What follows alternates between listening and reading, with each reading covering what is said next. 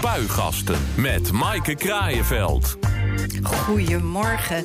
Welkom bij Spuigasten, het politieke radioprogramma van Den Haag FM. Live vanuit de bibliotheek in Den Haag.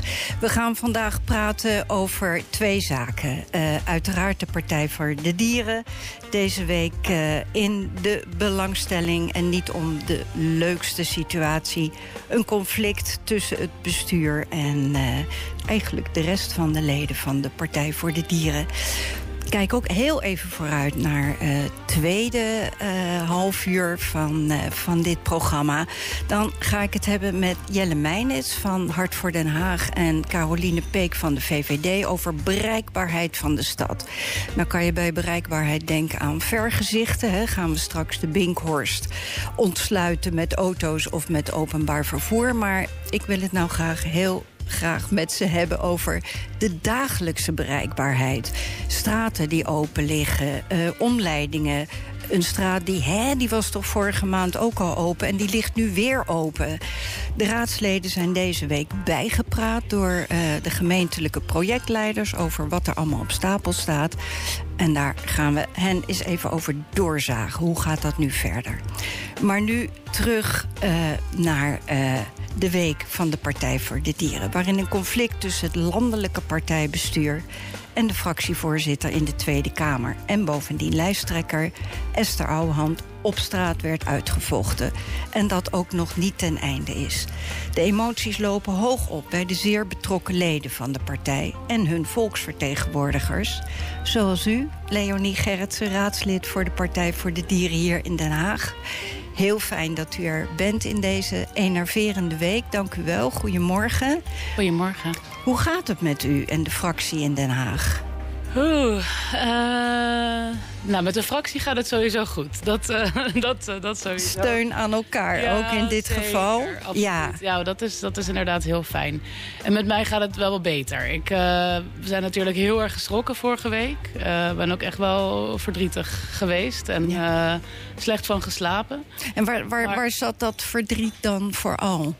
Nou ja, je ziet, je ziet dat op een moment wat heel cruciaal is... namelijk nou ja, de, de verkiezingstijd is natuurlijk nooit leuk... maar dit is, komt er nog wel, hakt er wel even extra in... dat gewoon een bestuur uh, op een manier die voor niemand begrijpelijk is... gewoon eigenlijk de partij op straat gooit. En dat heeft ons allemaal ongelooflijk geraakt. Want we zijn allemaal enorm betrokken leden. Uh, nou, de volksvertegenwoordigers die zich elke dag uh, hiervoor inzetten... die opeens uh, zoiets zien gebeuren. dat is natuurlijk verschrikkelijk. Als alles waar je je ziel en zaligheid in stopt... opeens zo negatief in de media komt. Dus Aan de andere kant hoor je dat het al wel langer sluimerde. Ik bedoel, het moment van naar buiten komen... is een hele akelige verrassing, kan ik me voorstellen. Maar was het bij u bijvoorbeeld onbekend... dat er wel dingen sluimerden binnen partij? Nou, sluimerde weet ik niet of ik dat het juiste woord vind. Uh, wat, wat wel zo is, is dat al heel veel en heel vaak uh, leden en volksvertegenwoordigers... bij het bestuur aan de bel hebben getrokken van...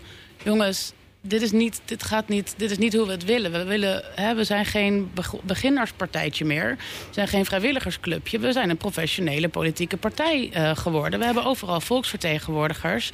En, en wat, wat bedoelt u dan van dit is niet zoals wij het willen? Dat vooral bijvoorbeeld in die oppositie te blijven... zonder bestuursverantwoordelijkheid te nemen? Wat, wat, waar liep u vooral tegenaan? Um, waar wij vooral tegenaan liepen was toch wel uh, een gebrek aan professionalisering uh, en democratisering. Wat u noemt is daar een, een van de voorbeelden van. Hè? Dat inderdaad uh, het bestuur erop aanstuurde dat de, de fracties die aan het mee-onderhandelen waren...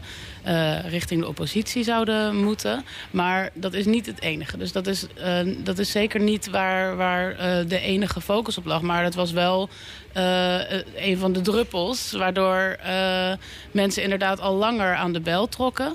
Ehm, maar ook gewoon de professionalisering van de partij. En daar komt natuurlijk van alles bij kijken. Dan kun je uh, denken aan uh, initiatieven van leden die naast zich werden neergelegd. Of dat er nooit een maximale bestuurstermijn was voor bestuursleden. Dat er weinig werk werd gemaakt van diversiteit en inclusie. Iets wat leden heel graag wilden. Dat soort zaken speelden ook nog eens mee. Dus al met al was het gewoon een stapeling van dingen. En toen ehm, Esther Ouwehand vorige week dus een brief stuurde naar het bestuur uh, met... ik kan niet op deze manier werken, dit bestuur doet zijn werk niet goed... hadden heel veel volksvertegenwoordigers zoiets van... ja, dat verhaal, dat herkennen we. Wij herkennen ons in hoe dit, dit geschetste beeld. En die zijn toen eigenlijk ook direct uh, met elkaar uh, in de pen geklommen... om te kijken of er een dialoog aangegaan kon worden met dit bestuur. Maar nog voordat dat verstuurd kon zijn... lag er de volgende dag alweer een brief van het bestuur. Wij, wij herkennen ons helemaal niet in dat beeld van Esther Ouwehand. Dus geen zelfreflectie, terwijl wij het wel allemaal herkenden. En de volgende dag werd ze opzij gezet. Ja, nou, toen dat... had iedereen zoiets van... nou, dit bestuur is echt, dat kan gewoon niet meer. En toen hebben, toen hebben we inderdaad het, uh, het vertrouwen in dat bestuur opgezet. En dat was inclusief uh, echt meer dan driekwart van, uh, van de politieke partijtop. Ja, ik ga toch met u terug hier naar de Haagse gemeenteraad. Hè? Want uh, dat is onze core business. En die van u eigenlijk ook. En saillant is natuurlijk dat de Partij voor de Dieren nu juist op dit moment gesprekken voert over zo'n uh, coalitie eventueel. Hè. Er, wordt, er is in Den Haag een nieuwe coalitie nodig. Uh, VVD is opgestapt. Uh, u kent het verhaal. Hart voor Den Haag wilde ook in de coalitie. die gesprekken zijn gelopen. Nu praat Partij voor de Dieren met D66, GroenLinks, PvdA, CDA en DENK.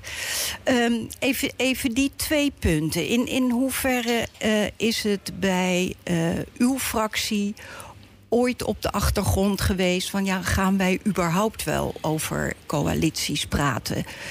Uh, was u eigenlijk al losgezongen van dat partijidee om alleen maar oppositie te voeren? Uh, nou, de Haagse fractie is sowieso, heeft zich altijd heel erg onafhankelijk opgesteld.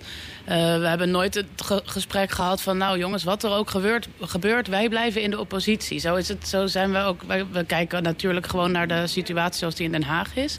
Want moet... E-, even voor het begrip, ja, die, oppo wil, die, oppositie... Hè, dat, dat zou dan uh, volgens het bestuur de beste positie zijn... om maatschappelijke veranderingen uh, te, te veroorzaken, hè, te, daartoe te komen. Ook eigenlijk vanuit dat actiekarakter wat de Partij voor de Dieren natuurlijk had. Maar u heeft, zegt... Heeft. Heeft. heeft. Maar u zegt wel nee, dat kan je ook heel goed doen... als je wel bestuursverantwoordelijkheid neemt. En dus ook compromissen moet sluiten met andere partijen. Uh, nou, ik denk dat er op dit moment vier uh, gemeenteraadsfracties in Nederland zijn... die inderdaad heel goed laten zien dat je aan de ene kant uh, kan meebesturen... en aan de andere kant ook gewoon nog een actiepartij blijft. Uh, we zijn erg voor uh, dualisme, dus ook als je meebestuurt... mag je nog steeds wel je eigen idealen uitdragen natuurlijk. Um, we zien dat bijvoorbeeld in, in, ja, in, in, verschillende gemeentes... waar er inderdaad echt dingen in een coalitieakkoord zijn terechtgekomen... die anders nooit waren uitgevoerd. Dus het gaat natuurlijk om het doel. We willen gewoon diervriendelijker, groener en duurzamer zijn... in elke stad en in het hele land en in de hele wereld... Je moet, dat moet je doen op de manier waarmee je het meeste bereikt. En ik moet zeggen, bij de vorige uh, gemeenteraadsverkiezingen hier in Den Haag... zijn wij nooit benaderd in als de serieuze nee, uh, nee, coalitiepartner. Nee. Dus zover is dat gesprek helemaal nooit nee, gekomen. Dus we hebben ook nooit met uh, de Tweede Kamerfractie... of met het bestuur daar een gesprek over gehad. Want dat was ook geen druk uitgeoefend, om daar, omdat dat gewoon, gewoon niet aan de orde was. Geweest. Nee, nee. Nu, nu is die situatie er wel. hoe, hoe kijkt u naar die gesprekken? Zijn die constructief? Ja, die zijn zeker constructief. Uh, ze zijn, uh, as we speak... Uh, ja, bezig. bezig. Ja. Ja, ik, ja, u heeft misschien wel kunnen, kunnen horen inderdaad van anderen. Ik zit, er, ik zit er zelf vaak niet bij. Mijn twee collega's zijn de onderhandelende... Robert Barker, Robert Barker en Robin Smit. Robin Smit zitten ja. daar voor ons aan tafel. Uh, nou, dat zijn sowieso, uh, ja, die, die zijn gewoon constructief aan het meedenken over uh, hè, wat, wat kunnen wij inderdaad als Partij voor de Dieren toevoegen. Waardoor, waardoor je daadwerkelijk verschillen gaat zien in Den Haag op het gebied van diervriendelijkheid en groen en duurzaamheid. Maar misschien ook wel bestuurscultuur. Precies. En kunt u twee onderwerpen noemen, twee speerpunten die Partij voor de Dieren dan zou willen zien? In zo'n Ik heb altijd geleerd dat je dat nooit mag zeggen tijdens onderhandelingen. Nee, nee, want dan geef je ook kroonjuwelen weg of ga je van alles... Uh... Ja, u, u, u, kent ons en iedereen die ons uh, wat langer heeft meegemaakt in de Haagse Raad... weet wat wij uh, heel belangrijk vinden. En dat is, ja, dat is altijd goed te liëren aan onze idealen. Dus dat, het zal niemand verbazen, denk ik, wat voor soort dingen er van ons op tafel. Nee, milieuzones, dat soort... Denk ik, dat, dat soort, soort, dingen, ja. dingen zouden heel belangrijk nou ja, En natuurlijk dierenwelzijn. We hebben, we hebben, we hebben zelf uh, vaak uh, initiatieven ingediend uh, die niet zijn meegenomen. Nou, dat is een mooi moment om daar nog eens goed naar, naar te kijken. Ja, ja. In hoeverre leidt dit nu ook af? In, ik bedoel, kunnen uw uh, collega's Robert Barker en Robbie Smit voldoende hun aandacht nu houden bij deze toch wel heel erg belangrijke onderhandelingen? Ja, dat is een goede. Het, het, is, uh, het is natuurlijk afleidend dat er de hele tijd hè, uh, je, in je partij in de media en op sociale media voorbij ziet komen. En je bent toch elke keer even kijken, is er nog wat gebeurd. Maar uh, van wat ik begrijp, gaat, gaat, hè, wij zijn ook gewoon naar de commissies geweest de afgelopen week. Naar, naar alle uh, gesprekken geweest. Dus het is niet dat we er daardoor minder tijd aan besteden. Maar het is natuurlijk een zware dobber voor ons allemaal. Ja, vanzelfsprekend. Dat is vanuit u zelf geredeneerd. Dat vroeg ik ook hoor, als Partij voor de Dieren. Maar heeft u nu ook de indruk dat de andere partijen ook opeens anders naar u gaan kijken? Van hoe, hoe zeker is alles? Of komt er na het congres van volgend weekend toch nog een tweede Partij voor de Dieren? nee, ik denk niet dat wij het CDA achteraan gaan en er opeens een driesplitsing van maken. Nee, nee dat dat, dat, uh, dat zie ik absoluut niet gebeuren. Ik uh, denk dat het congres juist een heel verbindend moment gaat worden. Ik kijk er ook heel erg naar uit. Uh, en nee, en iedereen die hier met ons aan tafel zit, die kent ons. En die kent ons ook als integere mensen die gewoon staan voor, voor onze idealen. En ik denk niet dat iemand anders naar ons kijkt vanwege de Um, omdat je, nou ja, dat speelt natuurlijk ook nu niet in Den Haag. Nee. Nee dat kan ik me ook voorstellen. U noemde zelf het woord integer. Um, integriteit is natuurlijk ook een, uh, een uh, kernwoord... Wat, uh, wat in het hele conflict steeds naar voren komt zoals gezegd, het bestuur, het landelijke bestuur is opgestapt. Vanwege de ophef, zeiden ze er uh, nadrukkelijk bij. Um, en kennelijk niet hoe zij uh, denken. Um, Esther Ouwehand staat weer op nummer 1 op de kandidatenlijst... voor de verkiezingen voor de Tweede Kamer van november. Maar dat bestuur blijft toch schermen met die klachten over uh, Esther Ouwehand... op het gebied van integriteit. Nu is er deze week ook een memo opgedoken van een soort denk tank, uh, waarin ook Esther Ouwehand zat. Waarin nou ja, min of meer uh, uh, wordt uitgelokt dat conflict met dat bestuur ook wat op te stoken. Weet u nou eigenlijk wat er aan de hand is? En, en waar gaan nou die klachten over?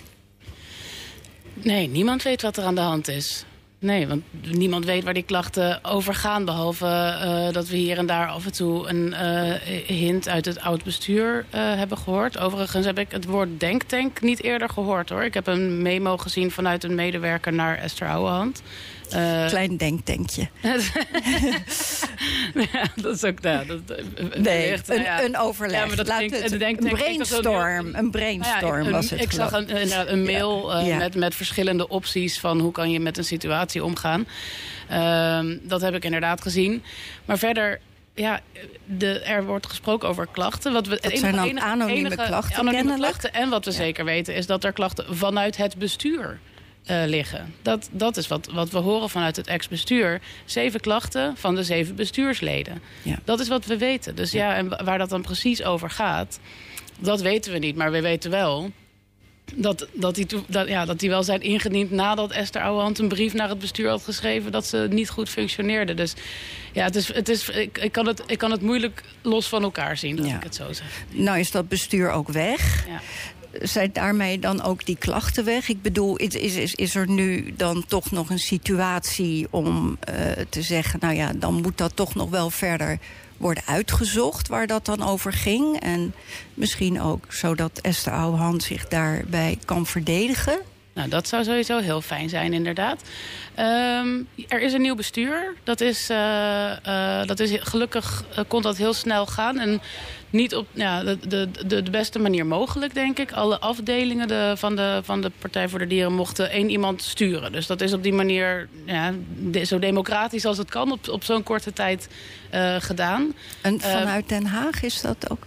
Uh, vanuit Zuid-Holland is, oh, ja. is inderdaad ja. uh, onze, de voorzitter van het uh, bestuur Zuid-Holland is ja. als afgevaardigde gegaan. Ja. en dat is iemand die daar die, hè, echt de, de, de, leden goed kent, goed weet wat er speelt. dus ik heb daar heel veel vertrouwen in dat zij dat enorm goed gaat doen.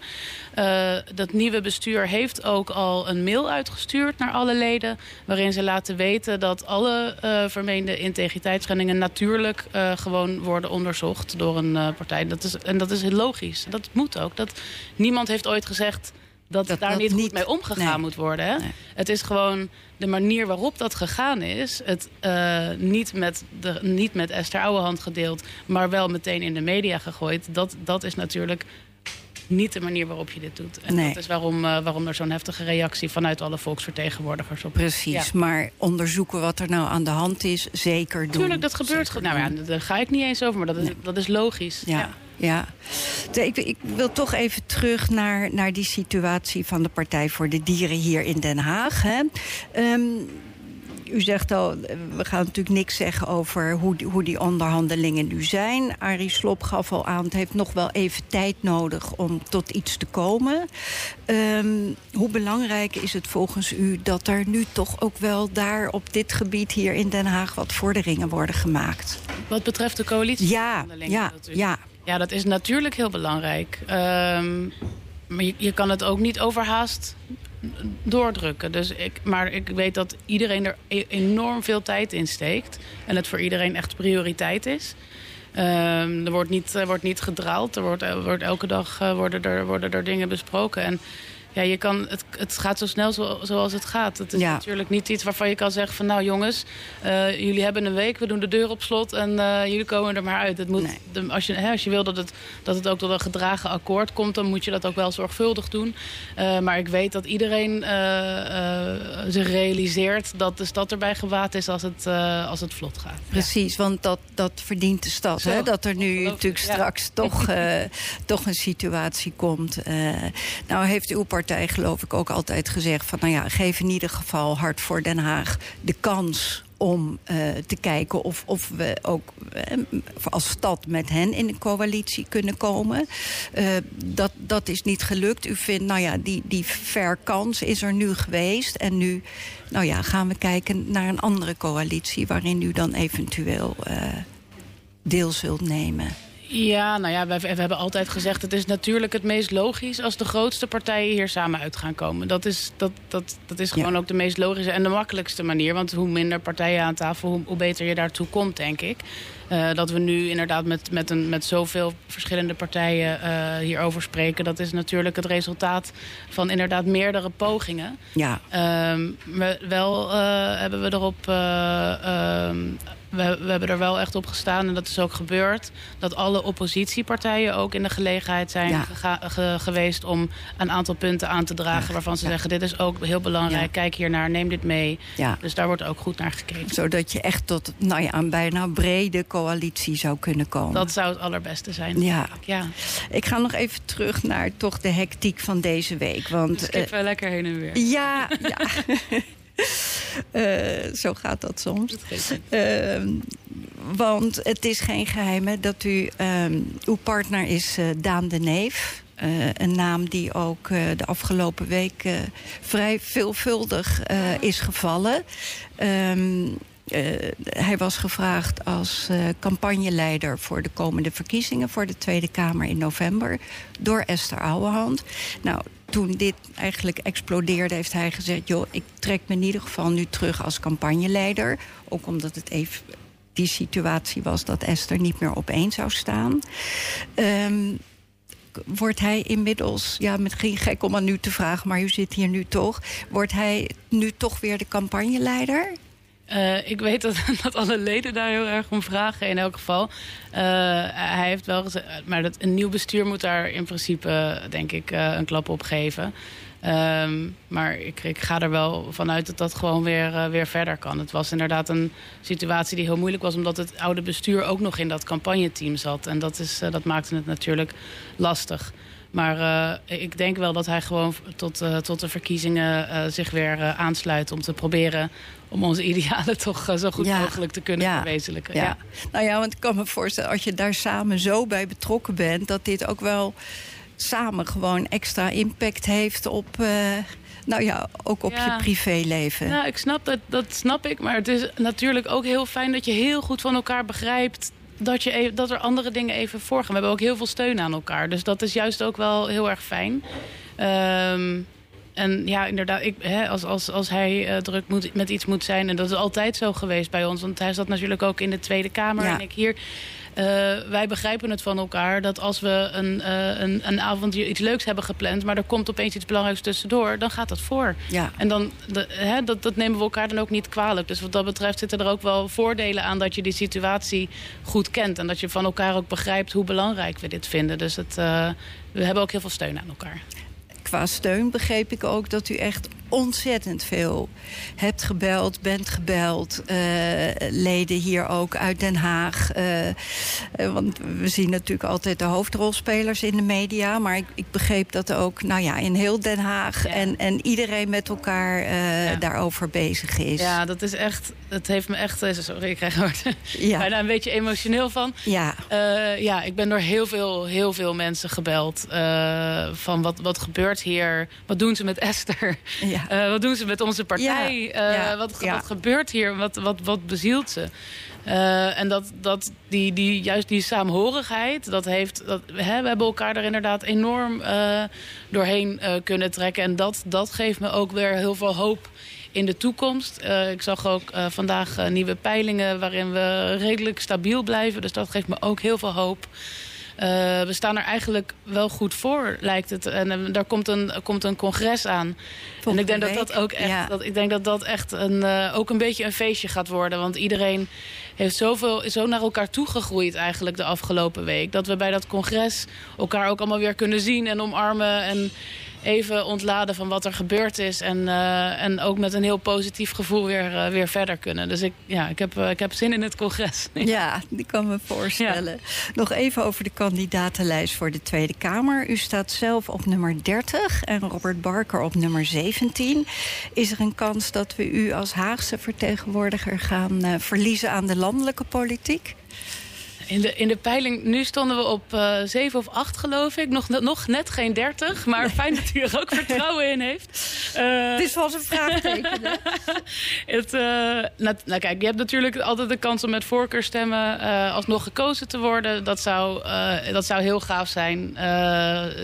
maar ik heb persoonlijk heb ik niet op een verkiesbare plek uh, gesolliciteerd. Omdat ik juist mijn werk in Den Haag heel graag nog uh, wil voortzetten. Um, maar het is wel heel eervol om op zo'n lijst te staan. Dus ik, ik, was wel, ja, het doet je natuurlijk wel wat dat je je naam daar ziet staan tussen al die mensen. Ook al die mensen waar ik de afgelopen week zo veel contact mee heb gehad. Dat geeft ook wel weer een gevoel van yes, we zijn weer een team. We kunnen samen verder. En ik ben heel erg trots op mijn partij. Ja. En bent u eventueel wethouderskandidaat hier in Den Haag? Nee, nee, dat, uh, dat niet. Oké. Okay. Nou, nogmaals, reuze bedankt dat u hier wilde zijn vandaag. En uh, all the best. Dank je wel, heel erg bedankt. Den Haag FM 92.0 Jouw Haagse Stadsradio 100% Haag Tot 12 uur spuigasten met Maaike Kraaienveld Den Haag Goedemiddag. We zijn terug. We gaan van de Partij voor de Dieren praten over bereikbaarheid van de stad. En dat kan soms uh, uh, opeens een hele erge tegenstelling zijn, maar misschien ook niet. Uh, we gaan praten met Jelle Meijnets van Hart voor Den Haag. goedemorgen, meneer Meijnets. Fijn dat u er bent. En Caroline Peek van de VVD. Goedemorgen. Goedemorgen. Kon u allebei onze studio in Den Haag makkelijk bereiken? Nou, ik moet zeggen, op zaterdag kun je lekker doorrijden hoor. Ja. ja. Jazeker. Prima. Nou ja, u kent de weg hier naartoe natuurlijk ook. Want uh, het stadhuis en de raadzaal uh, is hier vlakbij. Dus dat scheelt natuurlijk. We zijn hier vaak. Ja, ja precies. Bereikbaarheid is uh, voor u allebei het onderwerp als raadslid. Nou, natuurlijk een ontzettend belangrijk onderwerp. Want als je niet in de stad kan komen en niet uit... en ook niet in de stad kan zijn, dan wordt het moeilijk. Nou zijn er een hoop vergezichten te schetsen... Hè, over bereikbaarheid van een stad. Zoals kies je bijvoorbeeld voor... Uh, nou ja, bij de ontwikkeling van de Binkhorst als stad... voor het gebruik van de auto of juist voor openbaar vervoer. Maar wat de meeste inwoners van Den Haag ook ervaren met bereikbaarheid... is wat er dagelijks aan werkzaamheden zijn aan de weg. Opbrekingen, omleidingen, uh, allemaal misschien terecht u, meneer Mijnen, twijfelde geloof ik nog... of die Lozerlaan eigenlijk wel nieuw asfalt nodig had. Dat doe ik nog steeds, twijfelen. Ja. Maar, maar goed, dat zijn van die uh, enorm belangrijke uh, doorgaande wegen... waar we dan stil komen te staan. Nu bent u uh, bij de, deze week bijgepraat he, door ambtenaren van de gemeente... wat er allemaal op stapel staat op dat gebied. Nou, wat er uitspringt is natuurlijk de Hubertustunnel... die anderhalf jaar dicht gaat vanaf januari januari 25. Hoewel misschien toch niet zo lang, want daar werd ook iets over gezegd in die vergadering. Daar kom ik graag zo nog even op terug. Um, wat blijkt uit onderzoeken is dat Den Haag in de middenmoot zit qua bereikbaarheid en dat de situatie constant is. Is dat een goede score, mevrouw Peek? Nee, dat denk ik niet. Um, in de middenmoot, daar moet je het natuurlijk nooit voor willen doen. Um, dus ik denk dat we dat daar zeker meer ambitie op mag van het college. En we hebben natuurlijk ook een paar grote doorstroomprojecten op stapel gezet... waar uh, we aan het begin staan. He. Ik noem bijvoorbeeld de Zevensprong. Ja. Dat zou natuurlijk enorm helpen als we daar echt hard mee aan de slag gaan. Of ik noem bijvoorbeeld de Scheveningse weg met de John F. Kennedy-laan daar. Ja. He, dat tracé. Telderstracé. Telderstracé, ja. als je dat zou ondertunnelen... als we dat soort uh, trajecten echt mogelijk nu gaan maken... en ermee aan de slag gaan... dan denk ik dat we hoger komen op die ranglijst. Nou, en dat, meneer Meijnes, kreeg ik een beetje de indruk... toen ik uh, dat overleg uh, terugluisterde. Daar kan u als raadslid uh, als gemeenteraad ook meer invloed op uitoefenen, toch? Hoe, hoe, hoe, die volgorde gaat. Is dat ook nodig? Nou ja, als ik nu weer zie hoe dat met de Lozelaan ging... Ja, ik, ik denk dat we weinig inspraak hebben. Uh, hun zeiden dat, uh, ja, dat dat plotseling moest gebeuren. Hè? ja. Ineens moest, moest dat gebeuren, want het asfalt scheen gevaarlijk te zijn. Nou, ik, ik heb de dag voor de opbreking er al overheen gereden. Er was niks aan de hand. Ja, en daar konden we niks aan doen. En dat, dat zie je dan ineens gebeuren. En uh, ja, u, u, u, zegt net van het is constant hè, hier in Haag. Ja, het is constant ellende. Dat is wat ik zie. Ja, nou ja, en inderdaad constant dus die middenmoot... waarvan mevrouw nou, Peek ook zegt... nou, het mag best iets ambitieuzer. Ja, maar ik geloof toch niet dat wij bij de middenmoot zitten... want we zijn al een paar keer filehoofdstad geweest van, van Nederland. Dus ik, ik weet ook niet hoe hun aan, aan die cijfers komen. Nee, wat, wat, wat dan nog onder die middenmoot zou moeten zitten. Ja, ja, ja. dat bedoel ja. ik. Dus uh, het kan allemaal veel beter. En uh, ja, maar als je dan een Charloze laan afsluit aan twee kanten... denk ik, ja, waarom doe je dat? Uh, het kan makkelijk anders en dat doen ze niet. Ja, en dan vraag ik me af, waar, waarvoor wordt voor deze methode gekozen? Ja. Precies. En daar kwam ook eigenlijk in dat gesprek uit naar voren... van ja, wie zou daar dan dat kunnen veranderen? En toen zei eigenlijk ook iedereen, ja, u als gemeenteraad.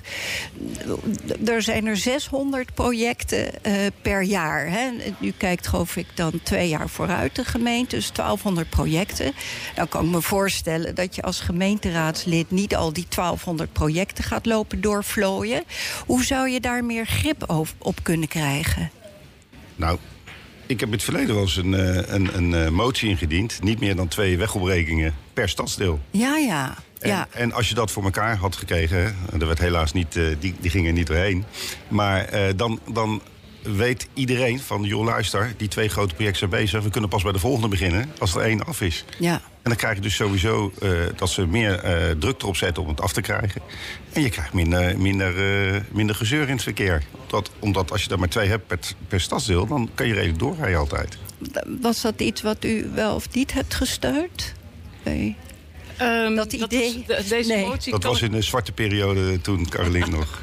Bij de, in de coalitie zat. Aha, Dus, oké. ja. Nee, dan is het even een ander verhaal. Ik, ik denk eh, ehm, inderdaad, hè, eh, echt, je, je moet je niet denk ik als raadslid echt bezig willen houden... echt met het praktische van die planningen.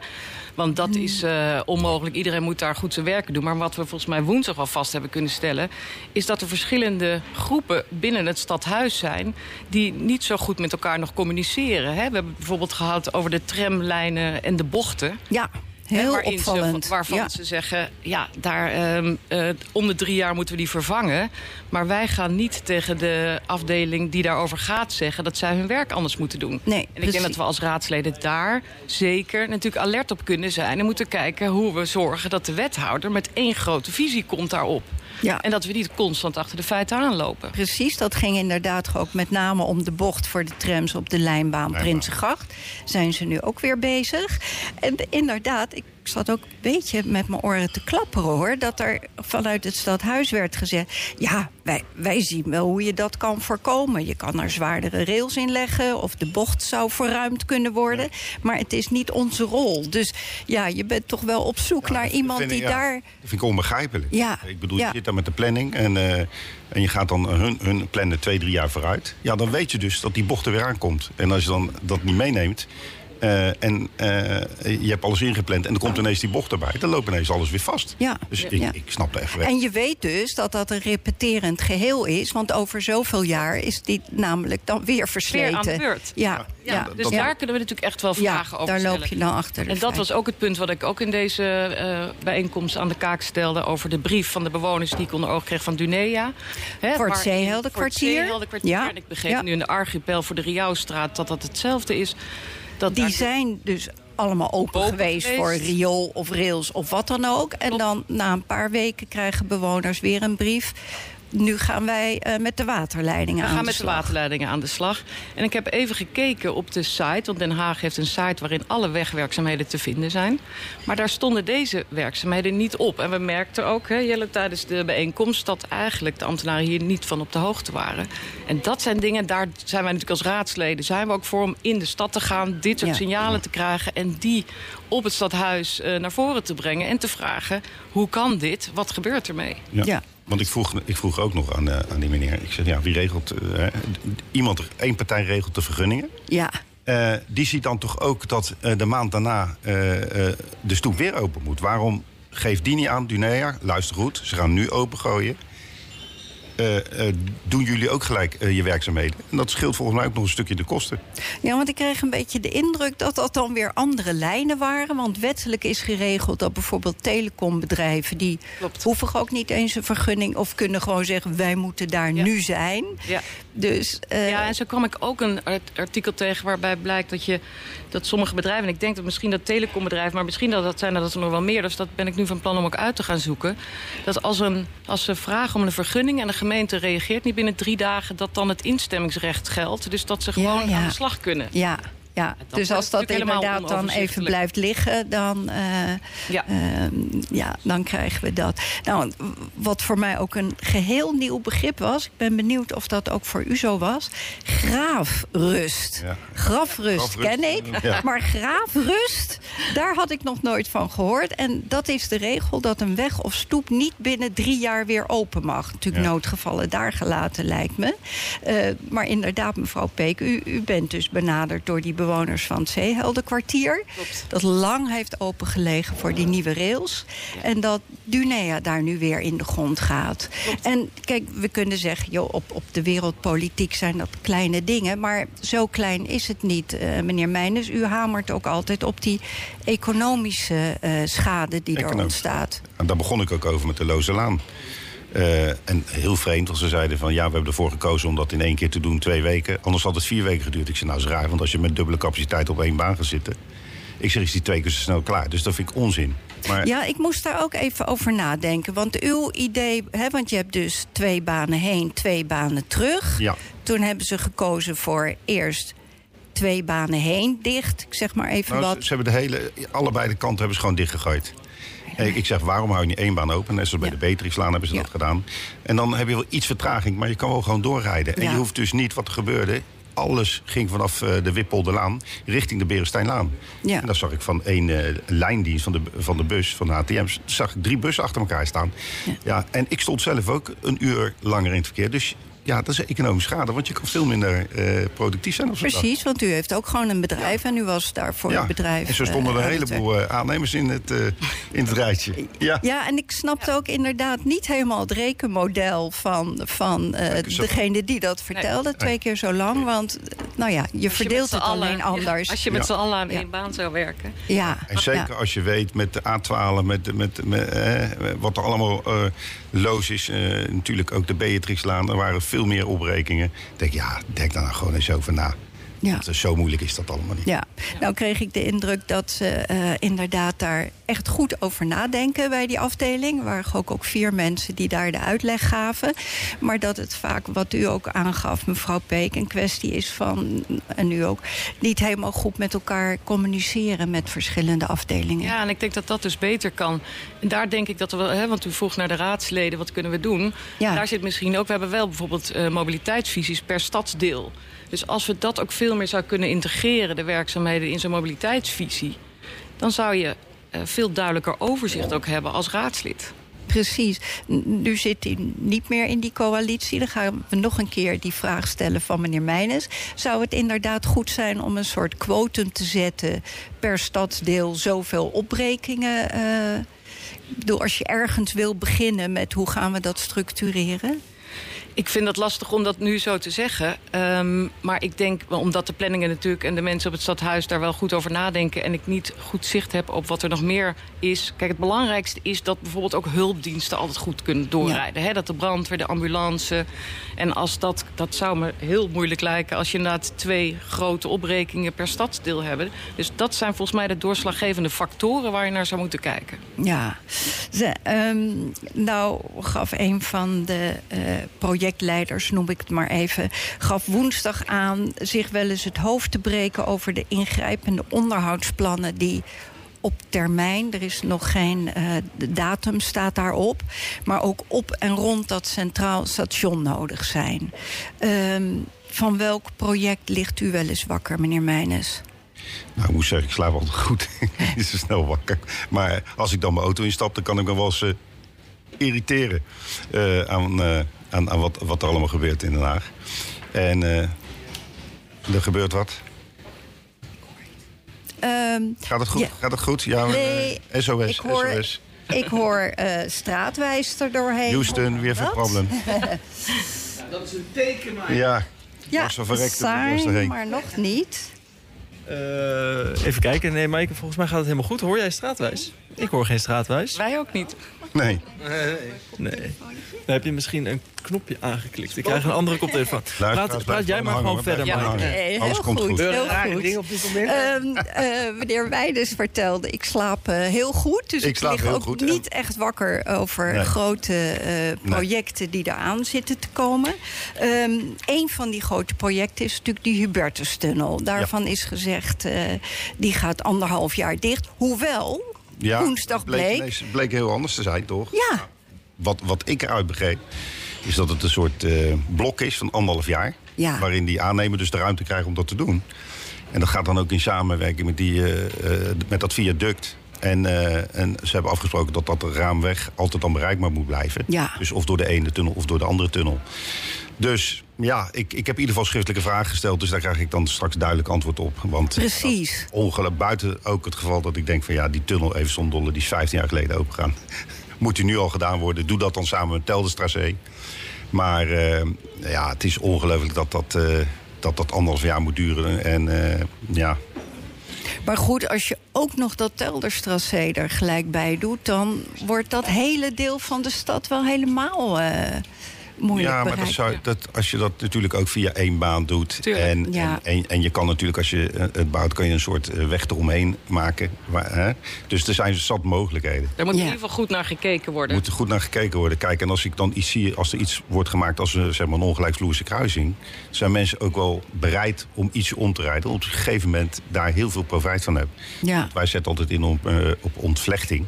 Eh, want hoe meer je ontvlecht, hoe minder problemen je hebt. Ook en straks. ontvlechten is uh, Nou, voetgangers... zo'n netkous eh, bij de Belastingdienst die Ja, die tram ja, rijdt. ja. Zou je bij wijze van spreken ook bij de laanba- lijnbaan kunnen maken. Zo richting Walder Piemel. dat echt elk, elk mobiliteit zijn Ja, eigen plekje krijgt. Dat bedoel ik. En als dan Ja. die rails eruit moet, dan heeft de auto daar geen last van. Nee. die rijdt gewoon onderdoor. Ja, Ja, daar zullen onder ongelooflijke de grond prijskaartjes aan hangen. ongelooflijk belangrijk. Ja, Ja. En misschien mag ik ook nog even terugkomen op uw vraag over het wakker liggen. Ja, uiteraard. Wat ik, ehm, waar, waar, waar ik wel wakker van kan liggen is... eh, afgelopen week heb ik gepost bij eh, scholen en bij eh, sportvereniging... de Ja. bereikbaarheid voor kinderen op de fiets van hun sportvereniging en de scholen.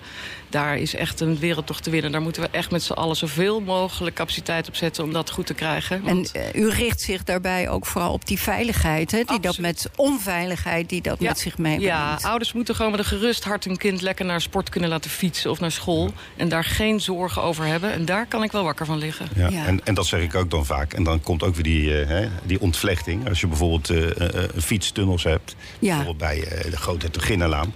Dan zie ik echt honderden kinderen altijd oversteken. Ja. Ik denk, ja, als daar een fiets, fietstunnel zou komen voor, voor, voor, voor dat soort eh, fietsertjes... Dan heb, ja, dan heb je als ouder natuurlijk, want we hebben allebei kinderen... en Ja. maken maken ons altijd zorgen. Ja, Ja. terecht. Dat is je- zo gevaarlijk. Ja, als je met Ja. een gerust hart kan zeggen, joh, pak dat fietspad... en je kan tot aan Scheveningen, eh, kan je zonder problemen doorrijden... dan, dan dat zou ook lekker zijn. Ongelooflijk belangrijk Ja. voor de stad. Maar nogmaals, het ging eh, een beetje bij u weg. Maar daar hangen natuurlijk ongelofelijke prijskaartjes aan. Ja, maar ik, Ja. ik denk wel eens hoe vaak die rails eruit gaat, hè? Eh, Ja, ja, met, met die precies. Op Als je dat nu weet. Zeker geld Eh, ja, ik heb ooit gevraagd aan de wethouder... kunt u mij eh, garanderen dat de komende tien jaar in, in, eh, in de Zoutmanstraat... de rails er niet uitgaat? Nou, eh, hij heeft geen antwoord gegeven, hij heeft er omheen gedraaid. Want ik weet, binnen drie, vier jaar zit de Zoutmanstraat weer met een probleem. Want dan moet die rails weer vervangen worden. Want er komt nog zwaardere tram straks overheen te rijden. Ja. En dan zitten die mensen daar weer met twee, drie maanden ellende. En dat kost verschrikkelijk veel geld. Ja.